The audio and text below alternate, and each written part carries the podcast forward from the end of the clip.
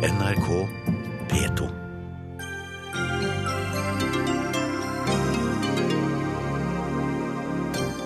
Biodrivstoffmålet for 2020 er nådd.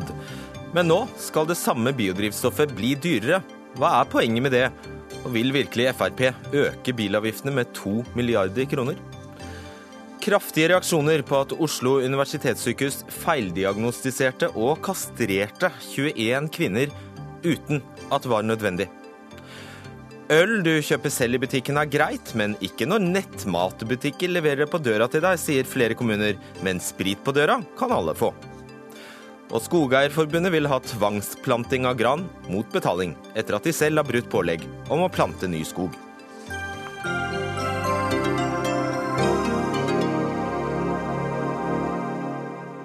Dette er Dagsnytt 18. Mitt navn er Fredrik Solvang.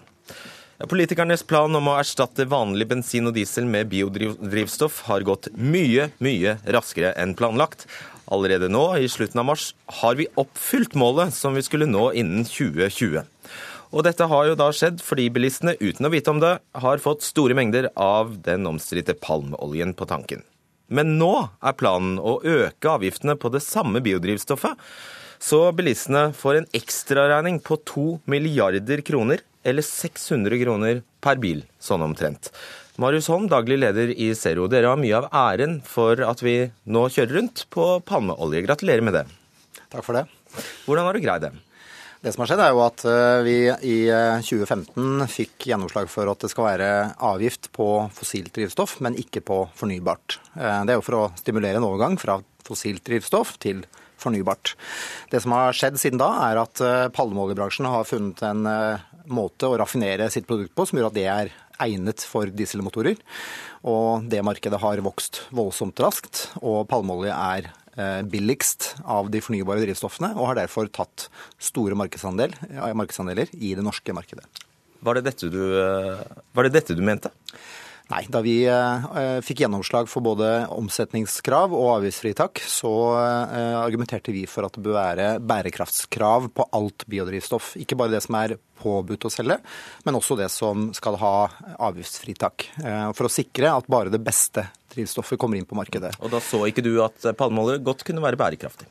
Palmeolje kan godt produseres bærekraftig. Problemet er jo at eh, de eh, landene som leverer mesteparten av palmeoljen, det er land som har en skogpolitikk som gjør at eh, det de, når de eksporterer landbruksprodukter, sånn som palmeolje, så fører det til press på regnskog. Og selv om da enkeltprodusenter av palmeolje produserer på en god måte, så er det den samla etterspørselen etter palmeolje som blir driver for, for avskoging. Så dere ønsker ikke det dere har skapt? Nei, vi ønsker å stramme til regelverket, sånn at eh, de insentivene vi har skapt, både avgiftsfritak og omsetningskrav, stimulerer til det gode biodrivstoffet. Derfor må vi stramme til regelverket, sånn at vi blir kvitt palmeolje, okay. som vi ikke ønsker. Prøv å forklare så kort som mulig og så enkelt som mulig hvordan du har tenkt å rydde opp i dette. Vi jobber med en bransjestandard skal, eh, hvor drivstoffbransjen skal eh, inngå en avtale om å felles skyve palmeolje ut i kulden. Det eh, ønsker vi at myndighetene skal bidra til ved å sette press på eh, at dette skal være bransjestandarden. At det skal være en forutsetning for å få lov å operere i Norge på sikt. At, man, at det skal være en forutsetning for å levere til offentlig sektor, f.eks. til kollektivtransporten, som kjøper mye diesel.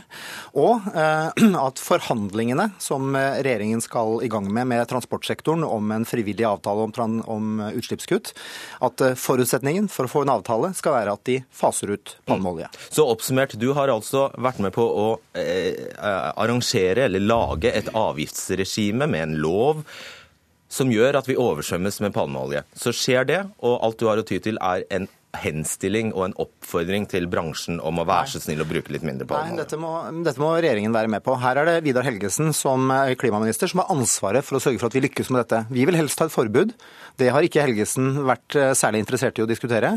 Vi vil, dersom det ikke blir et forbud, arbeide for en streng bransjestandard som gjør at det er praktisk talt umulig for drivstoffleverandører å gå utenom. Hvor lang tid syns du vi, mange år syns du vi kan kjøre rundt på palmeolje? Nei, Jeg syns vi skal få dette vekk i år. Eh, vi har en eh, politikk nå som fungerer veldig godt, som gjør at eh, det er lønnsomt å kaste fossil energi ut av tanken. Men vi må også ha en politikk som gjør at det ikke blir palmeolje. Det skal vi få til i år. ja vel. Inger Elisabeth Sagedal, kommunikasjonssjef i NAF. Hva er dine medlemmer opptatt av når det gjelder biodrivstoff? De er litt forvirret, spørrende skeptisk. De er redd for at bilene kan bli ødelagt. De er redd for at drivstoffet skal bli dyrere, og de er redd for at det hele egentlig ikke er bra eh, miljø- og klimatiltak. Og det som er vår bekymring da, det er jo at vi bruker opp den politiske kapitalen på dette vedtaket som skjedde i tolvte time i budsjettforhandlingene. For vi er jo så opptatt av at eh, persontransporten skal elektrifiseres. Og med noen målinger som nylig ble publisert, så viser det seg at folk ikke engang tror på elbilen sin miljødimensjon. Så vi har en jobb å gjøre for å få få med medlemmene på dette skiftet, som skal gi 50% kutt i 2030, og som 2025-målet med nullutslippsbiler er et viktig ledd i. Og Det er en oppgave så svær å få med folk på at hvis vi bruker opp den troverdigheten ved sånne tiltak som dette her, så blir folk bare mer kritiske, mer negative og vanskelig å få med på lag. For vi liker å se på oss sjøl som et viktig bindelegg ledd mellom politikerne og norske trafikanter som har noen utfordringer. Og vi vil jo ha biodrivstoff, for all del, men da er det på fly, på anleggstrafikk, på tungtransport, på skip. Og så må vi jobbe med å elektrifisere personbilene. Vil dere ha palmeolje? Palmeolje vil vi ikke ha på tanken. Ok, Svar kjempekort. på altså, det. Det er viktig å oppklare her, for det er ikke dette vedtaket i høst som skjedde da i tolvte time som har medført at salget øker. Det er et vedtak som kom i 2015, og som har vært ganske nøye planlagt, og, og som har vært jobba med av de partiene som sitter i regjering i over mange år. Så et løfte om å fjerne avgiften på fossiler er det som har gjort at markedet har tatt av. Og så er det ja, også sånn, grunnen til at det har, for, Bare for å forklare uten, utenforstående hva det er som har skjedd. altså Grunnen til denne eksplosjonen er jo at man har sagt null avgift over alt det som selskapene må blande inn. Og, da, er det er det viktig å huske på at uh, omsetningskravet uh, det vil ikke føre til at vi kjører mindre elbil. For det er ingen fare for at elbilene kjører på biodiesel, så vi sløser ikke bort en dråpe biodiesel på elbilene. Og, de, og, det vil også gjøre, bio, uh, gjøre, diesel dyrere, sånn at det blir mer lønnsomt med elbil. Det er ikke alle som er helt enig med deg. Vi kommer til det. Hans Andreas Limi, stortingsrepresentant for Fremskrittspartiet. Vi husker jo at eh, bakgrunnen for denne planen om 20 eh, eller opptrapping til 20% biodrivstoff i 2020 var at dere sammen med Høyre sa at bilavgiftene skal ligge fast. Nå har vi altså nådd dette biomålet. Og da er altså planen å bare legge avgift på nøyaktig det samme eh, biodrivstoffet. Det er god Frp-politikk. Nei, det, jeg kan svare nei to ganger. Fordi forutsetningen din er, litt, er ikke helt riktig. Eh, I 2015 så eh, gjorde Stortinget et vedtak som innebar at eh, biodiesel eller biodrivstoff ble fritatt for veibruksavgift, altså for den andelen over det som er det påbudte innblandingen. Og Det var for å gjøre det mer lønnsomt å blande inn mer biodiesel. Og det har det til gangs blitt. Og det har det blitt. Og ikke minst for å også kompensere at produksjonskostnaden ved biodrivstoff er noe høyere enn rent fossilt drivstoff. Eh, og det har vært meget vellykket. Og det ser vi jo nå på de tallene, og, og, og hvor mye som ble blandet inn i det som ble solgt i fjor. Eh, så har da Stortinget også vedtatt at man skal øke dette innblandingskravet. Eh, men når vi nå ser at faktisk markedet klarer å respondere så raskt på de positive avgiftsreduksjonene som vi gjorde i 2015, så er det grunn til å se på dette vedtaket på nytt, og vi må tilpasse oss virkeligheten. Og første gang vi kan gjøre det, ja, det er i Stortinget når vi skal behandle statsbudsjettet for 2018. Og det betyr at vi kan gjøre det til høsten. Men det forutsetter at Det du sier nå er egentlig at jo, du det, vil vurdere ja. Det forutsetter at eh, de som har gjort dette vedtaket, altså de fire partiene, er enige om at det er fornuftig eh, å tilpasse, det, eh, tilpasse vedtaket og, og avgiftsinnretningen til det som er virkeligheten for biodrivstoff per i dag. Og det gjør ikke deg noe at vi kjører rundt på pannene? Ja, altså det, det, er jo ikke bare hvor mye man blander inn, men det er også hva som blandes inn. Eh, og Derfor så ligger det noen føringer på det i Stortingets vedtak. At det skal være såkalt annengenerasjons biodrivstoff. Jo, jo, men eller, eller alle de kriteriene der er oppfylt. Men uh, Fordelen med palmeolje er jo at den har veldig høyt energiinnhold. Uh, det som er bakdelen ved den, er at dessverre så kan den bidra til å fortrenge regnskog eller matproduksjon, og det tror jeg ingen ønsker. Så da blir konklusjonen? Ja, Det betyr at da må vi fortsatt eh, være flinke til å, å, tilrettelegge avgiftene, slik at vi fremmer produksjon av bærekraftig biodrivstoff, bl.a. i Norge. Ja, bare for å oppsummere. Det du egentlig sa nå, var at du, du sår tvil om dere vil fortsette denne opptrappingen. Vi må uh, tilpasse oss det som er uh, virkeligheten. Og ingenting er bedre enn at markedet responderer på avgiftsreduksjoner uh, og gjør det som vi egentlig ønsket å oppnå, det som var Stortingets intensjon med de vedtakene som tidligere er fattet. Ok. Truls Gullofsen, du er leder i Greenpeace Norge. Altså I januar og februar i 2017 nå, så ble det solgt 102 millioner liter biodrivstoff i Norge. 54 millioner liter av dem, altså halvparten ca., kan vi regne med er ganske sannsynlig ren palmeolje. Hva syns du om det? Nei, Det er som alle de andre her ved bordet har sagt, at det er helt uakseptabelt at Norge nå putter massevis av palmeolje på tanken. Det er helt uakseptabelt. Så jeg har lyst til å gå liksom et skritt videre, for jeg tror vi er enige om at palmeolja må ut, og det er helt uansvarlig at den kommer inn. Det er bensinstasjonsselskapene som da gjør eh, tillater seg sjøl å bruke de dårligste smutthullene som politikerne har skapt, til å importere det billigste drivstoffet og tjene penger på det. Det er helt uakseptabelt. Eh, og så bare sånn, Til resten av diskusjonen så er det jo God transportpolitikk krever mange ting. Elektrifisering er en viktig del. Mindre transport og mer kollektiv er viktige elementer. Punkt nummer to. Det finnes ikke, verken i Norge eller i verden, til nok bærekraftige bioenergiressurser til å erstatte bensin og diesel, fossil bensin og diesel. Så vi er nødt til å tenke helt nytt. På toppen av det, bærekraftkriteriene som da er etablert for biodrivstoff både i Norge og Europa, er altfor dårlig. Når da situasjonen er den at vi kjører rundt, for det, det er sånn det er, nå kjører vi rundt med, med paljeolje på tanken. Ja. Er det, hadde du ment, Mener du det er å foretrekke at vi bare hadde fortsatt på fossilt? Vi må tilbake til tegnebrettet for å definere en biodrivstoff og transportpolitikk som faktisk funker, og som ikke har de smutthullene. Ja, men det var et ja-nei-svar. Eh, med den risikoen for at eh, vi kjøper palmeolje som kommer av, av, av, mer avskoging, så er det faktisk bedre å kjøre videre på fossilt mens vi tenker. Hold. Men dette her er sånn, det er ikke enten-eller. Men det er, når det er palmeoljen, så er det et problem. Det fins absolutt volumer som kan gå på tanken som er bærekraftige. Men de kommer i liten grad på tanken i dag, og det er pga. dårlig design. Det vi bør gjøre, er å få palmeolje ut, og så få det ordentlig gode biodrivstoffet inn. Og Det oppnår vi ikke hvis vi reverserer politikken. Så det vi må gjøre, er å uh, enten forby palmeolje eller få det ut gjennom en bransjestandard. Og Da er det ikke sånn at det er eh, fryktelig vanskelig. Uh, regjeringen har antydet at dette er i strid med EØS-regler og, og, den slags, men jeg mener det vil være et saklig kriterium å si at uh, palmeolje som kommer fra land med avskoging av regnskog, det ønsker ikke vi å bidra til, og det vil ikke dermed få blir solgt under avgiftsfritak i Norge. Så det, det mener jeg er realistisk. Men hvis ikke vi lykkes med det, så er det bransjen som må ta ansvar. Og da må vi bruke de piskene og de gulrøttene vi har overfor drivstoffbransjen, avgiftssystem og avtaler og andre ting, for å piske og lokke det på plass, sånn at disse selskapene velger bort palmeolje. Det mener jeg er fullt mulig.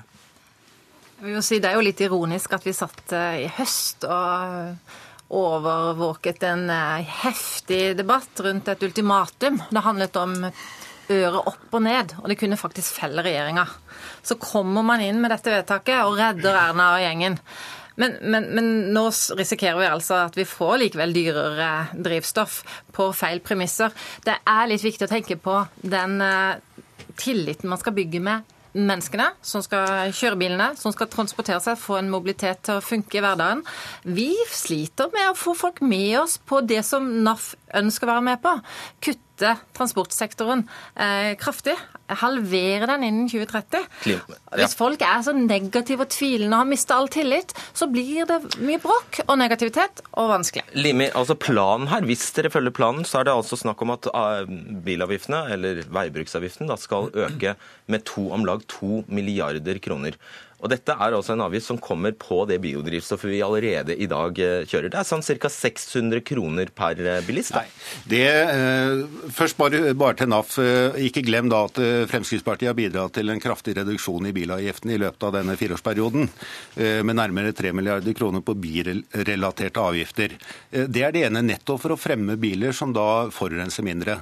Eh, så er jo eh, dette vedtaket som ble gjort angående biodrivstoff, det var jo i realiteten en gavepakke til produsentene og bilistene. Fordi det innebar altså fritak for veibruksavgift for alt over omsetningskravet, som den gangen lå på 4,5% altså i 2015.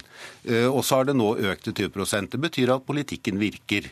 Men da må man jo se på hvordan skal vi nå innrette avgiftene fremover. Eh, og er det fornuftig å opprettholde omsetningskravet slik som det er tenkt i Stortingets vedtak. Og det, eh, Den vurderingen kan vi allerede gjøre til høsten. Så det, det er ingenting er her en slags omkamp på det? Det er ingen omkamp. Det er rett og slett tilpasset seg til markedet, som har vist seg å levere kanskje mye raskere enn det politikerne trodde i 2015. Ja. Jeg tror det er uh, ufornuftig å gå tilbake på dette for å, bare for å sikre billig diesel og bensin. Altså, som flere har vært inne på, så er målet at vi skal elektrifisere alt som kan elektrifiseres. Og Det er vi jo ganske godt i gang med. Norge har verdens høyeste elbilandel. Den kommer til å stige kraftig de neste årene fordi, vi, uh, fordi det kommer stadig flere gode elbiler. Og Da vil det være uh, feil å gå i en retning som gjør at bensin og diesel blir billigere. Det var politisk mulig å få til reelle økninger på bensin- og dieselavgiften i høst, men måten man har utformet biodrivstoffpolitikken på, gjør jo at eh, drivstoff blir dyrere. Det er en ønsket utvikling, fordi det gjør det mer lønnsomt å elektrifisere, og det skal vi fortsette med. Men Hadde det ikke vært en fordel om det også hadde en klimaeffekt, hvis du skal ilegge klimaavgifter? Ja, Det er åpenbart fordel at det har klimaeffekt. og jeg tenker at den, den, situasjonen vi er i nå, viser jo nettopp at man har fattet vedtak på Stortinget for to år siden og nå som man ikke har sett konsekvensene av. Eh, og da er det bærekraftkravene her som er for dårlige. Når det strømmer elendig palmeoljediesel inn i det norske markedet gjennom smutthull som er skapt av politikerne som ikke visste hva de vedtok, så er det bærekraftkravene som er for dårlige. Det er ikke prisen som er verken for høy eller for lav. Og skal man ha mer, høyere kvalitet på biodrivstoffet, så må selvfølgelig prisen opp. Det, det er enkelt tilbud og etterspørsel. Så her det, kommer noe billig, dårlig inn. Dårlig miljøeffekt skaper problemer og ødelegger tilliten til miljøpolitikken. Og Det er veldig dumt. og Derfor må dette tilbake på tegnebrettet og bli riktig. Og hele tiden oppdateres, sånn at virkemidlene passer med den virkeligheten som vi er i. Og, og Da løser vi denne type problemer, hvis vi tør å tenke litt helhetlig. Okay, vi får se. Takk skal dere ha. Marius Holm, Inger Elisabeth Sagedal, Hans Andreas Limi og Truls Gullofsen. Dagsnytt 18 alle hverdager klokka 18.00 på NRK P2 og NRK2.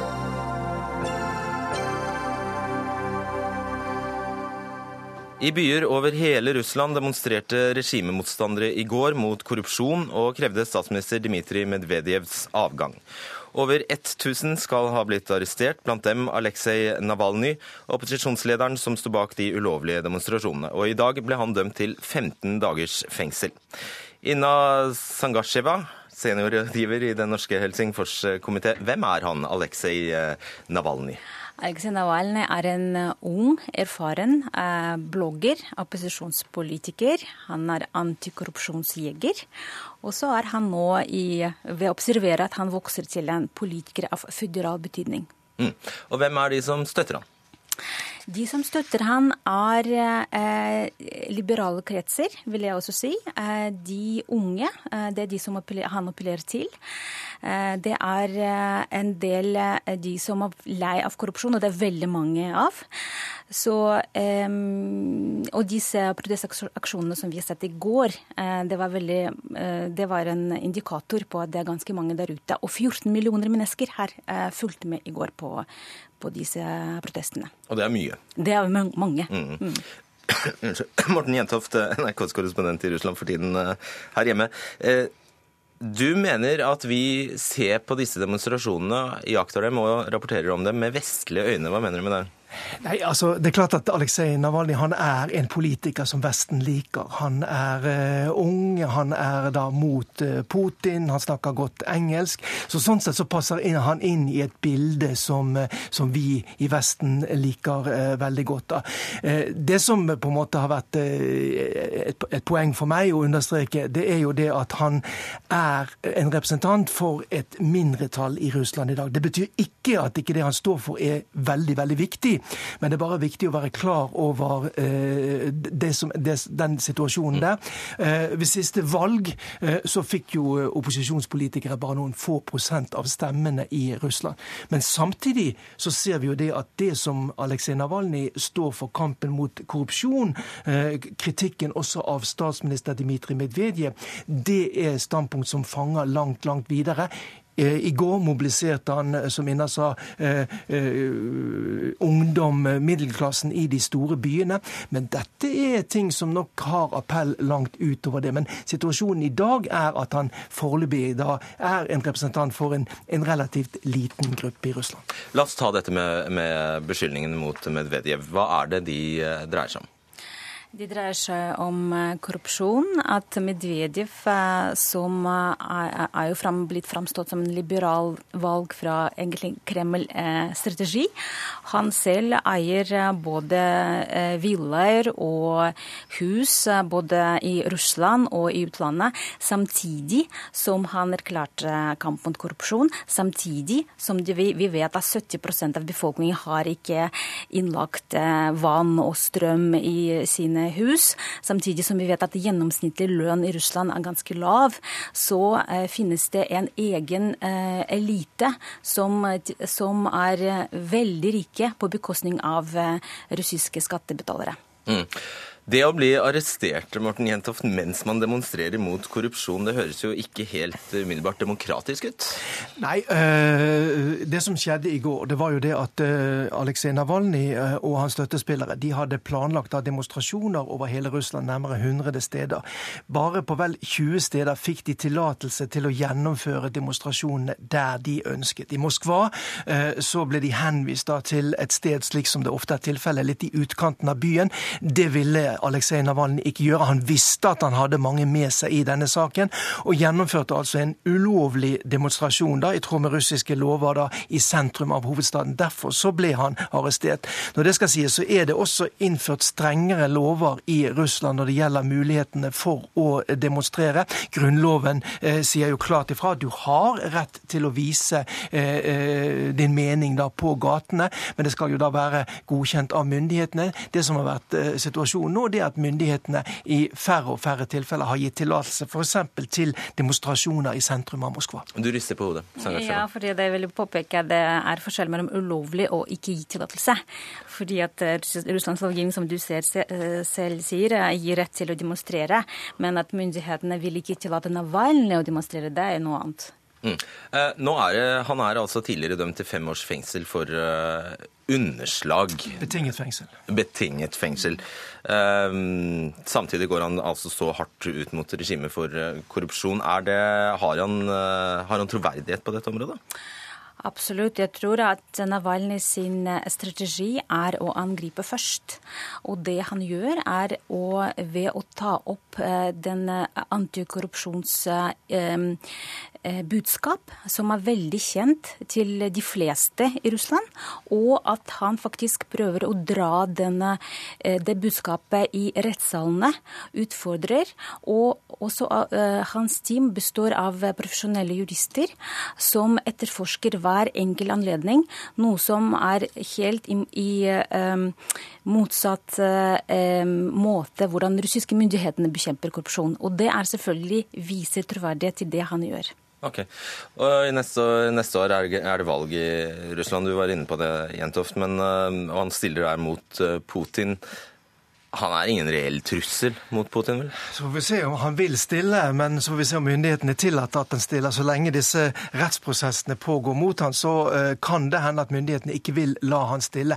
Nei, altså situasjonen sånn som den er i dag, så har han selvfølgelig ingen sjanse mot sittende president Vladimir Putin. Meningsmålinger i dag viser at han har, uh, Putin har en oppslutning på ca. 80% Men bare det at Navalny kan bli en kandidat, det kan gjøre valgkampen mye, mye mer interessant. fordi at også makthaverne og Vladimir Putin vet at Aleksej Navalnyj er en formidabel motstander, f.eks. i debatter. Nå vil selvfølgelig Vladimir Putin neppe stille opp i en debatt mot Navalnyj, men eh, det store spørsmålet blir jo nå fremover vil myndighetene la ham stille i dette valget i det hele tatt. Eh, gjør de det, så kan det bli veldig spennende. For som Inna sier her, han har et dyktig team bak seg, han mobiliserer ungdom. Vi så at han ved borgermestervalget i Moskva i 2013 fikk 27% av stemmene uten egentlig å få noe dekning på TV og uten å ha eh, så særlig store økonomiske ressurser i ryggen. Sånn at han er en farlig, en plagsom motstander for russiske myndigheter. En slags vestlig kjæledegge, enn i hvert fall en eh, mann det er lett å, uh, lettere å like her i Vesten, uh, Sangatsjeva. Men hvor liberal er han egentlig? Ja, Han har noen eh, sider. Han, han, er kjent som å være nasjonalist. Han er kjent for å støtte Krim-annektering. Han er kjent til å ha uttalelser mot migranter osv. Men eh, det vi også observerer, er at han også har den egenskapen å endre seg. Og det er også noe nytt også i russisk sammenheng. fordi at eh, vi, eh, Og det er det som også gjør disse protestene så populære, fordi at han appellerer til et helt nytt skala, en ny generasjon, og han framstilles som en kontrast. Og selv om han ikke blir eh, eh, Altså at han ikke får lov til å eh, stille seg til valget neste år, betyr ikke at han slutter å kjempe. Han kommer til å endre agenda, og det er det som er interessant, at han, det er han som skal bestemme, og ikke Kreml. Mm, interessant, ja. ja. Det er også interessant i dag for eksempel, å høre pressetalsmannen Dmitrij Peskov da, til eh, president Vladimir Putin, som sier det at vi skal lytte til demonstrantene. Det betyr at de ikke lenger kan ignorere det som kommer fra eh, Aleksej Navalnyj og hans team. Og det er også veldig interessant å se hvordan myndighetene kommer til å takle dette framover. Takk for innsikten, Morten Jentoft og Ina Sangasjeva.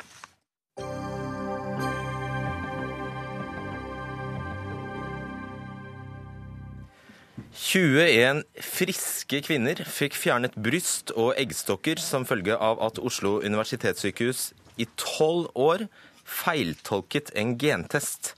I Dagens Medisin kunne vi sist uke lese at eh, dette, og ikke minst håndteringen av saken fra OUS, sin side ryster fagmiljøet. For ledelsen ved OUS ble først varslet om dette i januar i år. Altså to år og sju måneder etter at feilen ble oppdaget. Og de 21 kvinnene ble varslet først ett år etter at feilen ble oppdaget. Dag Unnlien, leder av Avdeling for medisinsk genetikk ved Oslo universitetssykehus. Hvordan kunne dette skje? Nei, La meg først få korrigere noe. Eh, I forhold til pasientene så føler vi at vi har gjort en god jobb. Eh, det med ett år, det er en fortegning av virkeligheten. Eller aller først selvfølgelig beklage at, har, at disse pasientene har blitt utsatt for feil. Du mener ikke det er en god jobb at de har 21 kvinner har blitt feilbehandlet? Nei, det Nei. mener jeg definitivt ikke. Men jeg mener at uh, din fremstilling altså det, det, må vi beklage. Det har vært en stor belastning for disse kvinnene, og det har vært en stor belastning for de i vår avdeling som har vært involvert i virksomheten. Men uh, når, du, når, det gjelder beskrivelsen av å kontakte kvinnene, så startet det arbeidet umiddelbart. Men, og der er det noe med mediets framstilling av det. Vi reagerte, det er riktig at vi reagerte i 2014. Men vi var ikke sikre på om vi hadde gjort en feil. Vi måtte gjøre en, god, en stor jobb for å finne ut av om vi hadde gjort en feil. Det ble gjort mye arbeid i laboratoriet. I tillegg så var det viktigste for oss faktisk å ta tak i de pasientene som hadde fått påvist genfeilen, men som enda ikke var blitt operert. For å varsle dem om at hør her, vi er blitt usikre på denne varianten. Uh, totalt sett har vi i løpet av denne, dette året du snakker om, vi har, vi har, kontaktet 100 pasienter. og Fordi dette har hatt implikasjoner for tilbudet til disse pasientene. Skjønner. Ok, så La oss spole tilbake og uh, gå tilbake til det dere faktisk da har gjort. Dere har feildiagnostisert og prestert å kastrere 21 kvinner. Hvordan gikk det til?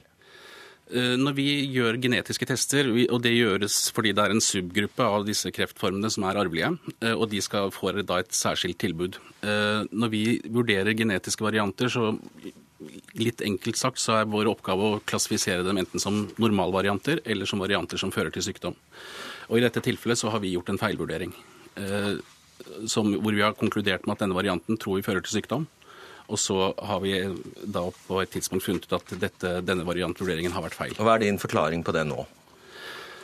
Uh, jeg tror det er viktig å si to ting om dette. Det ene er altså, Hva skal vi si? Uh, Forklaringen vår er vel at, at vi, har, vi, har, sett på rutinene våre. Til dels har dette vært gjort i ulike avdelinger før OUS-fusjonen. Uh, men det er klart at her har det vært svikt på ulike plan i forhold til våre rutiner. Jeg skjønner ikke noe av det. Svikt på ulike plan, hva betyr det? Uh, hva skal jeg si? Altså, man går jo ikke bare hen og kastrerer 21 kvinner Nei. ved en feiltagelse, så noe har jo skjedd her? Det, det har skjedd en feilvurdering. Og du kan si at denne, det å vurdere hvorvidt disse variantene fører til sykdom eller ikke, det er vanskelig, det er krevende. Og det har skjedd, det skjedd store endringer i forhold til retningslinjer og andre ting i denne, denne type analyser i løpet av de siste årene. Så hvis, hvis vi da altså, eh, Er det så Ville disse kvinnene ha hatt intakte eggstokker hadde det ikke vært for disse feilvurderingene? Og bryster? Eh, det kan jeg ikke svare deg på i alle tilfeller, men mange av dem ville helt sikkert det. Dette er til dels pasienter som Noen, noen av dem har vært helt friske, men mange av dem har hatt kreft. De har blitt fanget opp gjennom at de har hatt en kreftdiagnose og at de har hatt mye kreft i familien sin. Eh, sånn at det kan være andre grunner til at de hadde fått foretatt operasjoner. Men, men som, eh, i hovedsak så må vi regne med at de hadde ikke blitt operert. Det er jo helt uten... fryktelig. Det er, det er for, forferdelig. Det er det? Ja, jeg er helt enig om det. Hvordan står det til med dem? Eh, de som har vært i kontakt med dem og snakket med disse fra vår side, de forteller jo om et eh, Hva skal jeg si Noen tar dette med stoisk ro, mens andre er, syns dette er grusomt. Så det er, det er hele spekteret av reaksjoner. Og det var også kvinner i fruktbar alder eh, vi snakker om? I noen grad. Det var vel to av disse kvinnene som var i 30-årsalderen da de fikk fjernet eggstokkene sine. Så til dette her med, med varslingen og, og, og, det som skjer etter at feilen da er, er, mm. begått. Når dere da oppdager en så graverende feil, hvorfor tar det da to år og sju måneder? Nei, Der må jeg bare legge meg helt flat og si at her er det svært svikt i våre rutiner på flere plan, og det har vi gått etter, ettergått i sømmene, og det er læringspunkter for oss. Eh, vi har rett og slett eh, Ja, vi, noe av det går på melding i avvikssystemet vårt som ikke har vært gjort sånn som det skulle. Men det er også andre punkter hvor vi burde ha fanget opp dette og kommunisert det. Eh, både til sykehusledelsen og til tilsynsmyndighetene. Så ikke forsøk på å kamuflere noe som er så feil og så fælt Nei, at det ikke tåler dagslys? Det kan jeg love deg at det ikke er. Og du kan si at eh, vi ville vel vært litt naive hvis vi hadde kontaktet 100 pasienter og tenkt at dette kunne forblitt en hemmelighet. Så om ikke annet så ja. Det kan vi tro deg på. Ok, Torunn Fiskerstrand, du er overlege og spesialist i medisinsk genetikk ved Haukeland universitetssykehus og genforsker.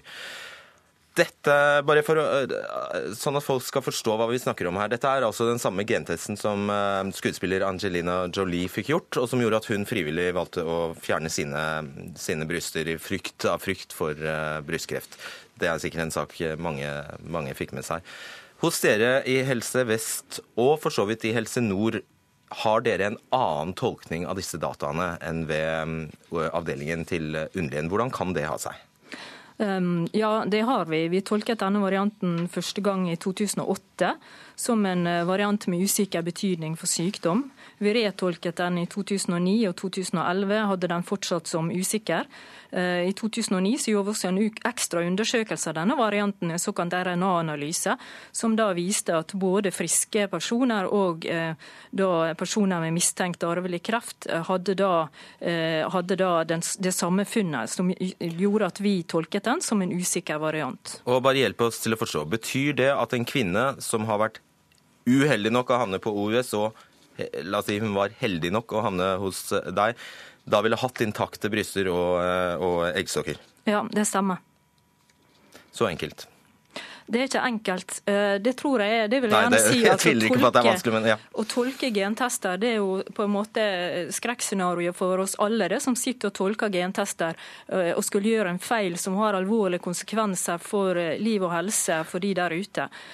Og vi har jo forsøkt å si i flere år at det å tolke gentester faktisk er komplisert.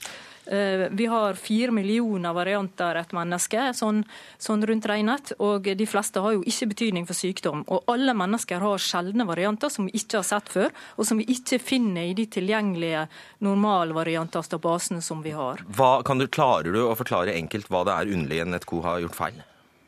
Eh, ja, altså De har sett dette er en variant som man kan tenke seg påvirker det som er sammensetningen av selve protein av, av gener. da. For å si det litt enkelt. Eh, og den, den er usikker i, i utgangspunktet. Eh, men hva de har gjort internt eh, der på avdelingen, det er jeg ikke sikker på, det vet jeg jo ikke.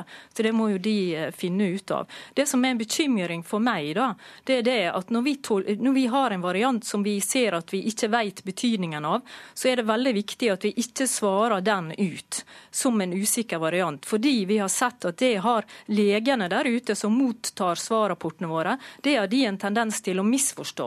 Når vi skriver at varianten har usikker tolkning, så er det noen av de som tolker den i retning av at den er sykdomsgivende. Og Det er så aldeles feil som det kan få blitt. Og Det er en kjepphest for meg i alle sammenhenger jeg er, å si dette, at usikre varianter er nettopp usikre. Man må ikke tolke de som sykdomsgivende. Så, ja, så det er En ting er at laboratoriet kan ha svart den ut og skriver at den er sykdomsgivende. En annen ting er at de som mottar svarrapporten, kan ha tolket den på eget grunnlag som sykdomsgivende. Har dere tatt inn over dere dette nå, Unnlien? Følger dere samme rutiner som Helse Vest og Helse Nord? Ja, jeg tror vi har noenlunde de samme retningslinjene som eh, altså i dette fagfeltet nå i mer eller mindre hele Norge, bortsett fra det Torunn tar opp som går på det å, hvorvidt vi skal svare ut de usikre variantene.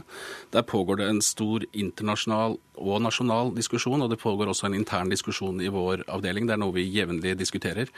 Eh, og dette er komplisert, for på den ene siden kan du, kan du risikere at mottaker kanskje misforstår, at et usikkert funn blir noe annet. Men på den annen side så føler jeg at vi her trenger en bredere debatt som også involverer eh, pasientene og brukerne. Så vi har tatt initiativ til å ta opp dette med brukerrådet på sykehuset for å høre hva pasientene selv faktisk tenker om dette. Ønsker de at vi skal på en måte være litt paternalistiske og holde tilbake informasjon, eller vil de vite absolutt alt? Hva risikerer man Fiskertson, hvis man anlegger den eh, strategien Unnlien beskriver her?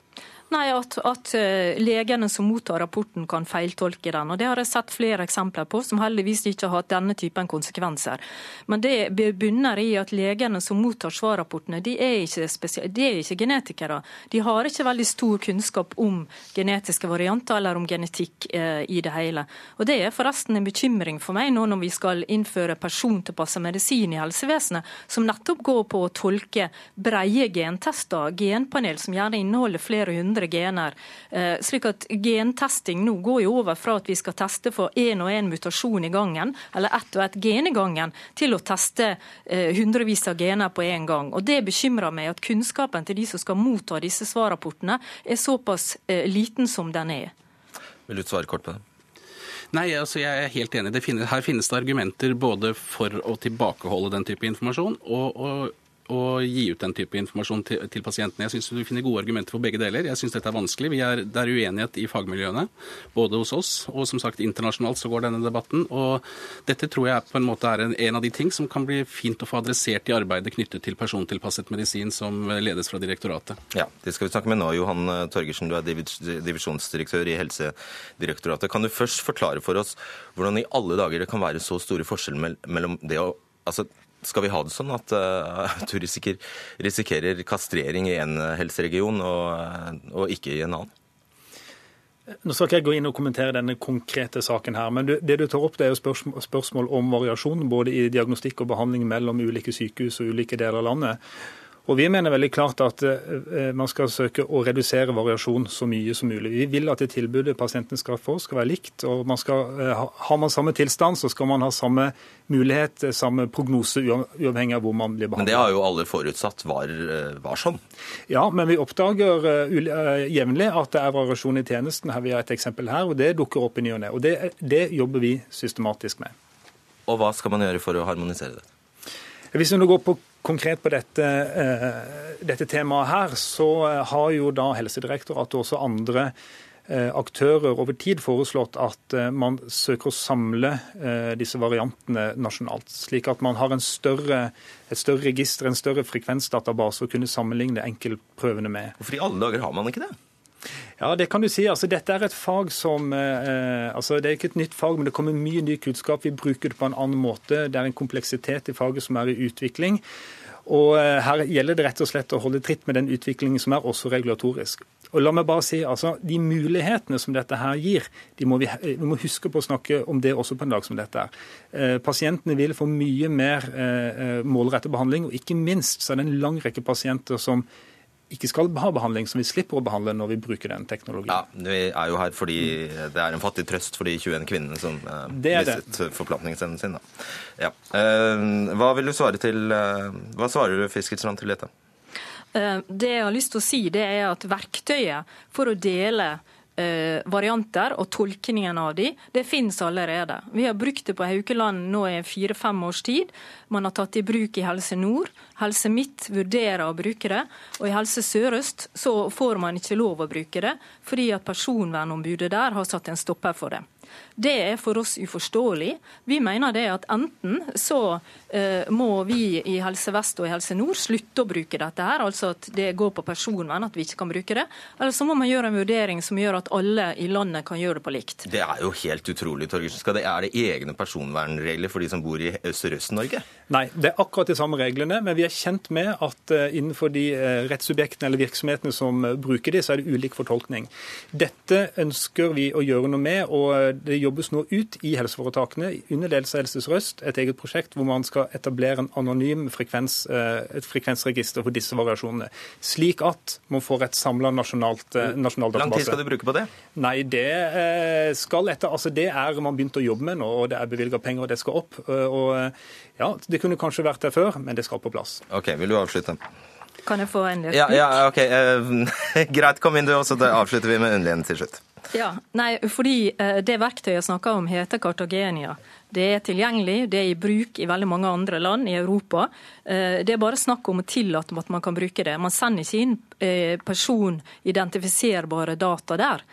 Og dette, hvis det verktøyet er på plass, så ville man ved OUS med ett klikk mens man tolker varianten, så hadde man sett at den varianten er sett hos oss og i Helse Nord, og man hadde sett at vi har tolket den som en usikker variant.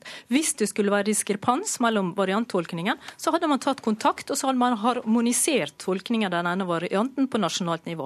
Verktøyet er der. Okay. Vi har et forslag inne til Helsedirektoratet, som vi håper de kan vurdere. Jeg håper også at eh, OUS ved Dag Underlien støtter det forslaget, at vi kan få bruke dette verktøyet. Ja, gjør du det, Underlien?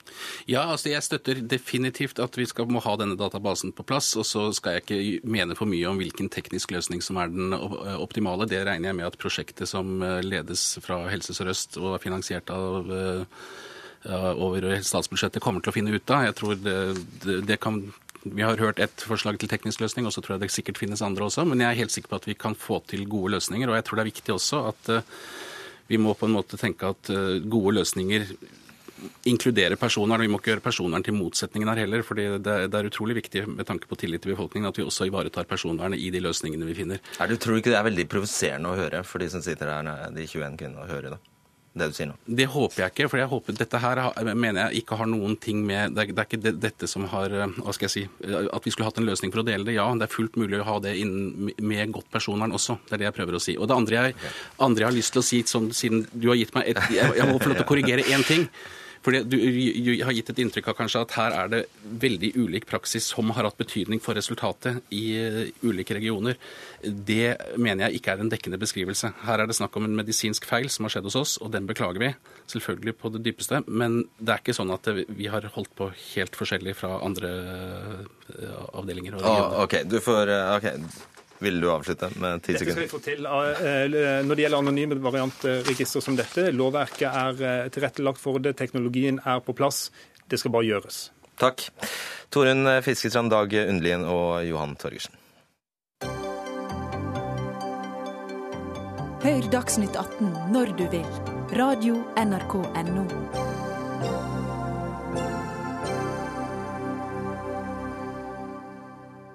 Ja, Du kan kjøpe det i dagligvarebutikkene eller på Vinmonopolet. Ja, Vinmonopolet kan til og med levere det på døra til deg. Men ikke alle er like begeistret for at nettmatbutikkene får selge øl. Øl som blir levert på døra di. En håndfull kommuner sier nemlig nei til aktører som Marked.no og Kolonial.no.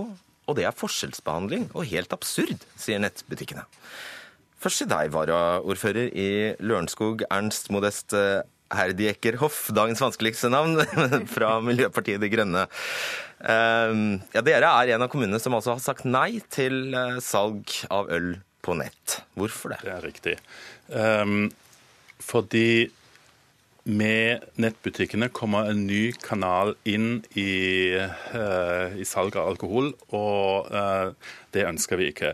Uh, det er Hvorfor ønsker dere ikke det? Jeg, um, vi har en litt annen um, oppgave i denne prosessen. Vi må ta hensyn til forskjellige lover. eh, vi må ta forskjellige hensyn.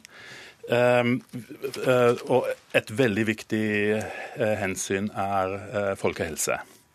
Eh, Jeg har lyst til å sitere paragraf 4 i, eh, eh, fra, folk, eh, fra folkehelseloven. Kommunen skal fremme befolkningens helse og bidra til å forebygge sykdom, skade eller lidelse, og bidra til å beskytte befolkningen mot faktorer som kan ha negativ innvirkning på helsen. Og jeg regner med det sikkert er derfor dere også har egne ølutsalg og ikke selger øl i butikkene i Lørenskog. Nei, vi selger øl i butikken. Ja, men da må det jo være likt på nett og på, i fysisk butikk? Ja, Forskjellen er jo at um, når det gjelder både um, butikker og Vinmonopolet Du går på bortebanen, du selger eh, du, du kjøper øl. Det er mennesker der som uh, veit hva de skal gjøre. Det er skammelig å gå i butikken, er det det du vil fram til? Nei, nei, nei. nei.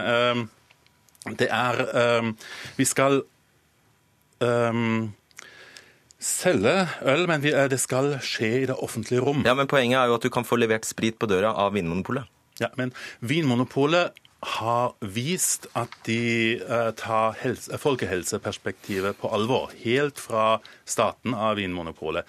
Eh, det gjenstår å se eh, med matbutikkene. Stine Røsand, du er administrerende direktør i det som kalles Marked.no. Leverer dagligvarer i hele Oslo, store deler av Akershus, Buskerud, Vestfold og Østfold. Og 32 kommuner har nå sagt ja til at dere får selge øl over nett. Tre har sagt nei. Hvilke konsekvenser får dere for dere at disse tre har sagt nei? Det er jo helt klart konkurransevridende for oss. Eh, Vi i Marked.no ønsker å bli den ledende dagligvareaktøren på nett. Eh, For å få til det så trenger vi, eller vi må tilby et eh, bredt og konkurransedyktig sortiment til våre kunder. Og på lik linje som de tradisjonelle fysiske butikkene, så inkluderer det også alkoholholdig drikke. Og når enkelte kommuner da, som f.eks. Lørenskog, nekter oss adgang til det, så er det sterkt konkurransevridende. Eh, Hva mener du når du sier konkurransevridende? Nei, Det er at det går i favør av de tradisjonelle fysiske butikkene. For mm, eh, det er sånn når det gjelder eh, utvalg, at eh, hvis ikke du får den varen du etterspør hos oss, så går du heller og legger hele handlekurven hos en annen butikk. Ja, men I andre tilfeller ser jeg at dere argumenterer med at dere selger så lite øl, så det har ikke noe å si. Det har veldig mye å si, for vi mister mye av eh, helgehandelen. Og vi ser også at i de kommunene der vi har fått nei, så har, opplever vi en svakere salgsutvikling enn i de kommunene som sier ja. Jeg er veldig opptatt av at vi skal ha like vilkår. Eh, og når Ernst snakker om eh, folkehelsepolitikken, så har jo jeg et veldig, eh, veldig gladmelding. Og det er at eh, du, de som handler på nett, de handler mye mer frukt og grønt og fisk eh, enn i tradisjonell butikk. Eh, vi, han, eh, og de kjøper mindre snacks og øl og snus og tobakk. Eh, så det, hvis man er en forkjemper for, for eh, folkehelse og den politikken, så bør man absolutt heie fram nettaktørene. Har du, hva er, Bortsett fra dette med tilgjengelighet, som jo er en, et gjengangerargument i all norsk alkohollovgivning, hva er, hva er du ellers bekymret for? Eh, For oss handler det ikke bare om næringspolitikk, men også om helsepolitikk, om ruspolitikk. Det handler om å ta vare på de svake som ikke kan ta eh, vare på seg selv, altså eh, når det gjelder bruk av alkohol. Det blir tryggere for alle hvis handelen skjer i butikk eller uh, på du det fra? Det er erfaringer.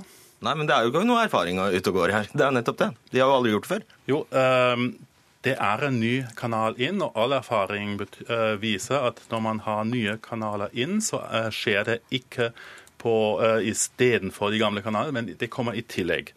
Ehm, Dette handler som sagt ikke bare om næringspolitikk for oss, men også um, helsepolitikk og uh, ruspolitikk. Vi vet veldig godt at tilgjengelig øker etterspørsel og konsum.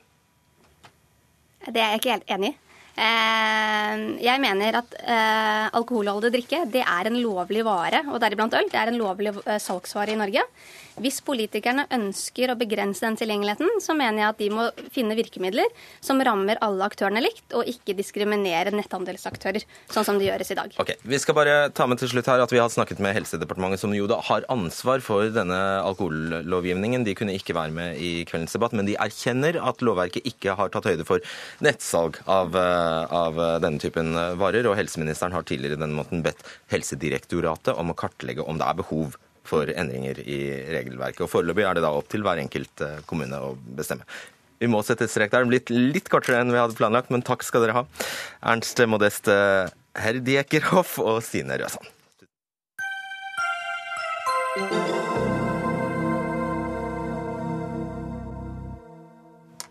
Norges Skogeierforbund ber det offentlige gripe inn mot den omfattende avskogingen langs kysten. Administrerende direktør Erik Landstein mener det må tvang til for å få plantet mer skog. De siste årene er 270 000 dekar granskog tatt ut av drift, og kun en tredel av dette er plantet til igjen. Dette må du oppklare, Erik Landstein, administrerende direktør i Skogeierforbundet. Altså, det er dine egne medlemmer som hogger skogen, som har en plikt til å plante på nytt, men som bare ikke gjør det. Og nå løper du til myndighetene og ber dem tvinge dine medlemmer. Ja, øh, Selvfølgelig mot betaling. Nei, øh, først og fremst så er dette et ansvar for den enkelte skogeier. Skogloven er veldig tydelig. Her har man en plikt til å forynge.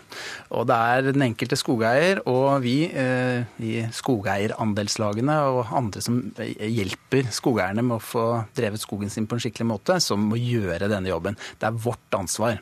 Men når vi først har en lov og vi har en plikt, så er det slik at hvis eh, da folk ikke følger opp den plikten, Eh, altså vi, vi, vi, jobber med å rådgi folk.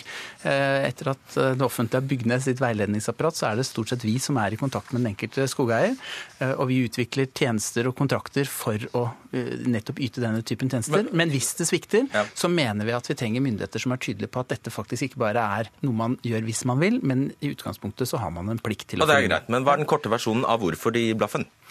Det er, det er mange grunner. Dette er jo langs kysten, eh, og her er det mindre tradisjon for å drive aktivt skogbruk. Eh, mange steder langs kysten så har det blitt planta skog steder hvor det ikke burde vært plantet skog. Og Det gjør at eh, dette skogbruket på kysten har litt dårlig rykte på seg. Ja. Og Da er det mange som føler at det er ubehagelig, og de føler et press både fra lokalsamfunn og fra, fra, fra myndigheter kanskje på dette. Og noen steder så er det fornuftig å faktisk ikke plante igjen med gran, fordi det har vært planta sted hvor det ikke burde være. Men, men som hovedregel eh, så bør man forynge. Bare for, forynge? Forynge, Det betyr at når du hogger, så må du ha en strategi for at det skal vokse opp ny eh, produksjonsskog. Du må plante. Plante, Eller at du setter igjen tær på en slik måte at man på naturlig måte får eh, frø ut i og, sånn, og planter opp som ja, ja, da er vi med. Trude Myhre, skogbiolog og rådgiver i WWF Norge. De trærne vi snakker om her, er vel ikke akkurat ønsket fra deres side? Nei, her er det snakk om langs kysten så er det snakk om mye pøbelgran, som vi kaller det. Gran som er eh, planta på steder der det ikke hører hjemme. Grana har jo ikke naturlig kommet over til Vestlandet og nord for Saltfjellet. Så det å plante mer gran i disse områdene, som allerede har fått store mengder med granplantasjer planta ut etter dugnad med støtte fra staten, å plante enda mer gran i disse områdene, det er fullstendig galskap. Hvorfor har vi en lov som sier at vi skal gjøre det, da?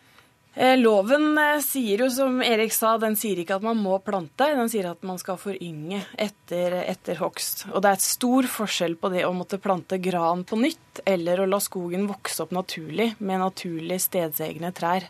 Jeg var jo senest i Jeg kom hjem fra Lofoten i går, og der er det folk i Lofoten og Vesterålen som ikke tør å hogge skogen sin med pøbelgran, fordi de er redd for nettopp denne foryngelsesplikten. Og det er allerede så stort press fra kommunene på at folk er nødt til å plante, at folk tør ikke å hogge. Fordi de vil bli kvitt eh, pøbelgrana, men er redd for å måtte plante ny pøbelgran. Skjønner. Jon Georg Dale, landbruks- og matminister fra Fremskrittspartiet. Eh, I utgangspunktet har vel ikke du i eh, særlig Du har ikke nødvendigvis sansen for tvang, men ja, hva sier du til dette? Nei, eh, For det første så er det jo hovedutfordringa til Skogeierforbundet har jo vært at det har vært for lite lønnsomhet og for langsiktig investering. Altså De som skal plante gran i dag, skal kanskje hogge det om 30, 40 og 50 år. Derfor velger mange å ikke gjøre det. Det er hovedutfordringa. Men så er det jo samtidig litt uh, rart at WWF, som nå mener vi skal skifte ut fossile energikilder f.eks., ikke vil at vi skal plante tre som gjør at vi kan produsere biodrivstoff f.eks. Sånn at uh, det, det, er av og til viktig å huske på at det en mener på den ene siden, må utløse en konsekvens på den andre. Og jeg mener jo grunnleggende sett at vi har store muligheter til, muligheter til å hente ut økt verdiskapning fra norske skoger. Det gjør at det viktigste vi må gjøre, er å få på plass en infrastruktur som gjør at vi får hogge og så er vi da inne på den problemstillinga som nå, som nå Skogeierforbundet løfter fram, at skogeierne som selvstendig næringsdrivende, som private grunneiere, ikke velger å plante. Det er de plikt til å gjøre, og det er kommuner som har ansvar for å følge det opp. Men det starter og slutter med at hvis du skal få til en fornuftig skogdrift, så må det være lønnsomhet i det. Da må vi gjøre noe punkt én med infrastrukturkostnadene. Det har denne regjeringa gjort. Punkt to, vi må gjøre noe med eiendomsstrukturen i norsk skogbruk, som gjør at de skogeierne som vi har rundt om i landet, har nok volum til at de faktisk velger å aktivt forvalte skogressursen sin. Det er jo Skogeierforbundet imot når regjeringa foreslår slike grep. Ok, Jeg tolker dette som et langt nei. Til tvang. Til tvang. Eh, det jeg er glad for at statsråden eh, sier, er at det faktisk er en plikt. Eh, og det er et viktig signal, for det vi opplever at det er mange kommuner som faktisk ikke formidler dette som er lovens klare, klare bokstav. Men jeg skjønner ikke eh, bare, eh, Hvorfor kan dere ikke bare hvorfor, Har du ingen pressmidler? Har du ingen maktmidler? Jo, altså, det, det, vi gjør, da, det er jo at vi snakker med skogeierne. Og, eh, det som er vanlig, er at når vi er ute og sier at vi altså, hogger, så vi, tilbyr vi kontrakter hvor vi samtidig sier da gjør vi en avtale om at vi kommer her og planter om noen år.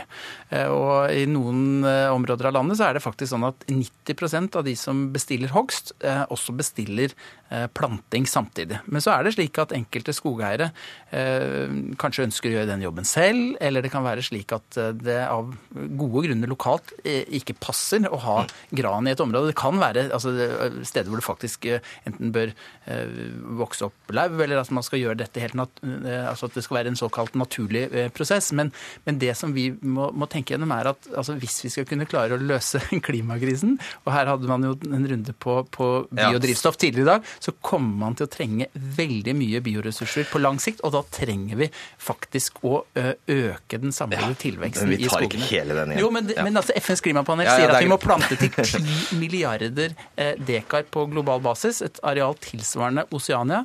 Og da kan ikke vi i Norge ha en politikk hvor vi har Eh, bruker mindre arealet vårt til å produsere, eh, altså ha skog med, med stor vekstevne. Trude Myhre, eh, snakker myndighetene med én stemme her? Jeg vet dere har reagert på en pott som ligger i Miljøverndepartementet, eller heter vel ikke det, Klima- og miljødepartementet, på 45 millioner eller noe sånt, noe, som nettopp skal gå til planting av gran. Ja, Eh, og Det er jo en pott som vi gjerne vil ha fjerna. For dette er jo snakk om å plante gran i de områdene som vi snakker om som det allerede er veldig mye gran, og som har store problemer med de gamle gransyndene. Gran som vi burde ha plukka vekk og rydda bort. Og kanskje fått på biodrivstofftanken for den saks skyld, men bare å få det vekk. Fordi det, denne grana som er planta på steder der den ikke hører hjemme, den truer stedsegen natur og utrydder arter som opprinnelig levde i f.eks. løvskog da på Vestlandet. Jeg har en master i sjeldne lavearter som vokser på gamle asketrær, og som eh, er et problem bl.a. med at det er planta mye gran rundt. Flatehogd og planta til gran der den ikke hører hjemme. Og til og med granspirene de sprer seg inn i, i mange områder, sånn at gran finner du i alle edelløvskogsreservatene i Hordaland. Så allerede nå så bruker jo både fylkesmennene og SNO bruker millioner av kroner i året på å fjerne gran og spredning av gran på Vestlandet. Og Da syns jeg det er galskap å skulle plante ut enda mer gran i disse områdene som allerede har et stort granproblem. Ja, Det er definitivt sånn at de fleste som bor og er vokst opp på Vestlandet, vil oppleve at de, det største problemet de har, er at de gror inne. Altså Det vokser for fort, og det vokser ukontrollert. Det som er utfordringa, er at det vokser ikke skog som det er mulig å livnære seg på. Og Det er jo det Grana har vært en bidragsyter til også på Vestlandet, som hun har vært i de store skogområdene på Østlandet. Og Det som er viktig, er at vi faktisk tenker over hvordan en utnytter arealene. Kommunen har plikt til å følge opp skogeierne. De kan gjøre det med tvang hvis de velger å gjøre det. Men det er opp til kommunene å gjøre. Men det viktigste utfordringen likevel er å faktisk tenke over hvordan en bruker de samla arealene. Jeg mener det er grunnlag for å øke verdiskapninga fra norske skoger, men vi får ikke til det hvis vi bare tenkte å bruke skogen én gang, slik WWF åpenbart har tenkt til. Hvis vi skal ha langsiktig verdiskapning, så må vi plante til igjen. Alright. Vi må sette strekk der, fordi denne sendingen er eh, rett og slett over. Erik Landstein, Trude Myhre og Jon Georg Dale skal ta med en eh, det var, ja, Og så var det Nasjonen som brakte oss denne nyheten om eh, tvangsplanting av gran i dag. Det skal jeg også få med. Det har kommet en melding. Generalsekretær i Norges idrettsforbund, Inge Andersen, har blitt bedt om å trekke seg fra stillingen sin, og det har han gjort. Og det blir mer om Andersens avgang på våre nettsider og i sendingene på radio og TV utover kvelden. Fredrik Solvang var i studio i denne sendingen, og så var det Fredrik Lauritzen og Lisbeth Sellereite. NRK P2.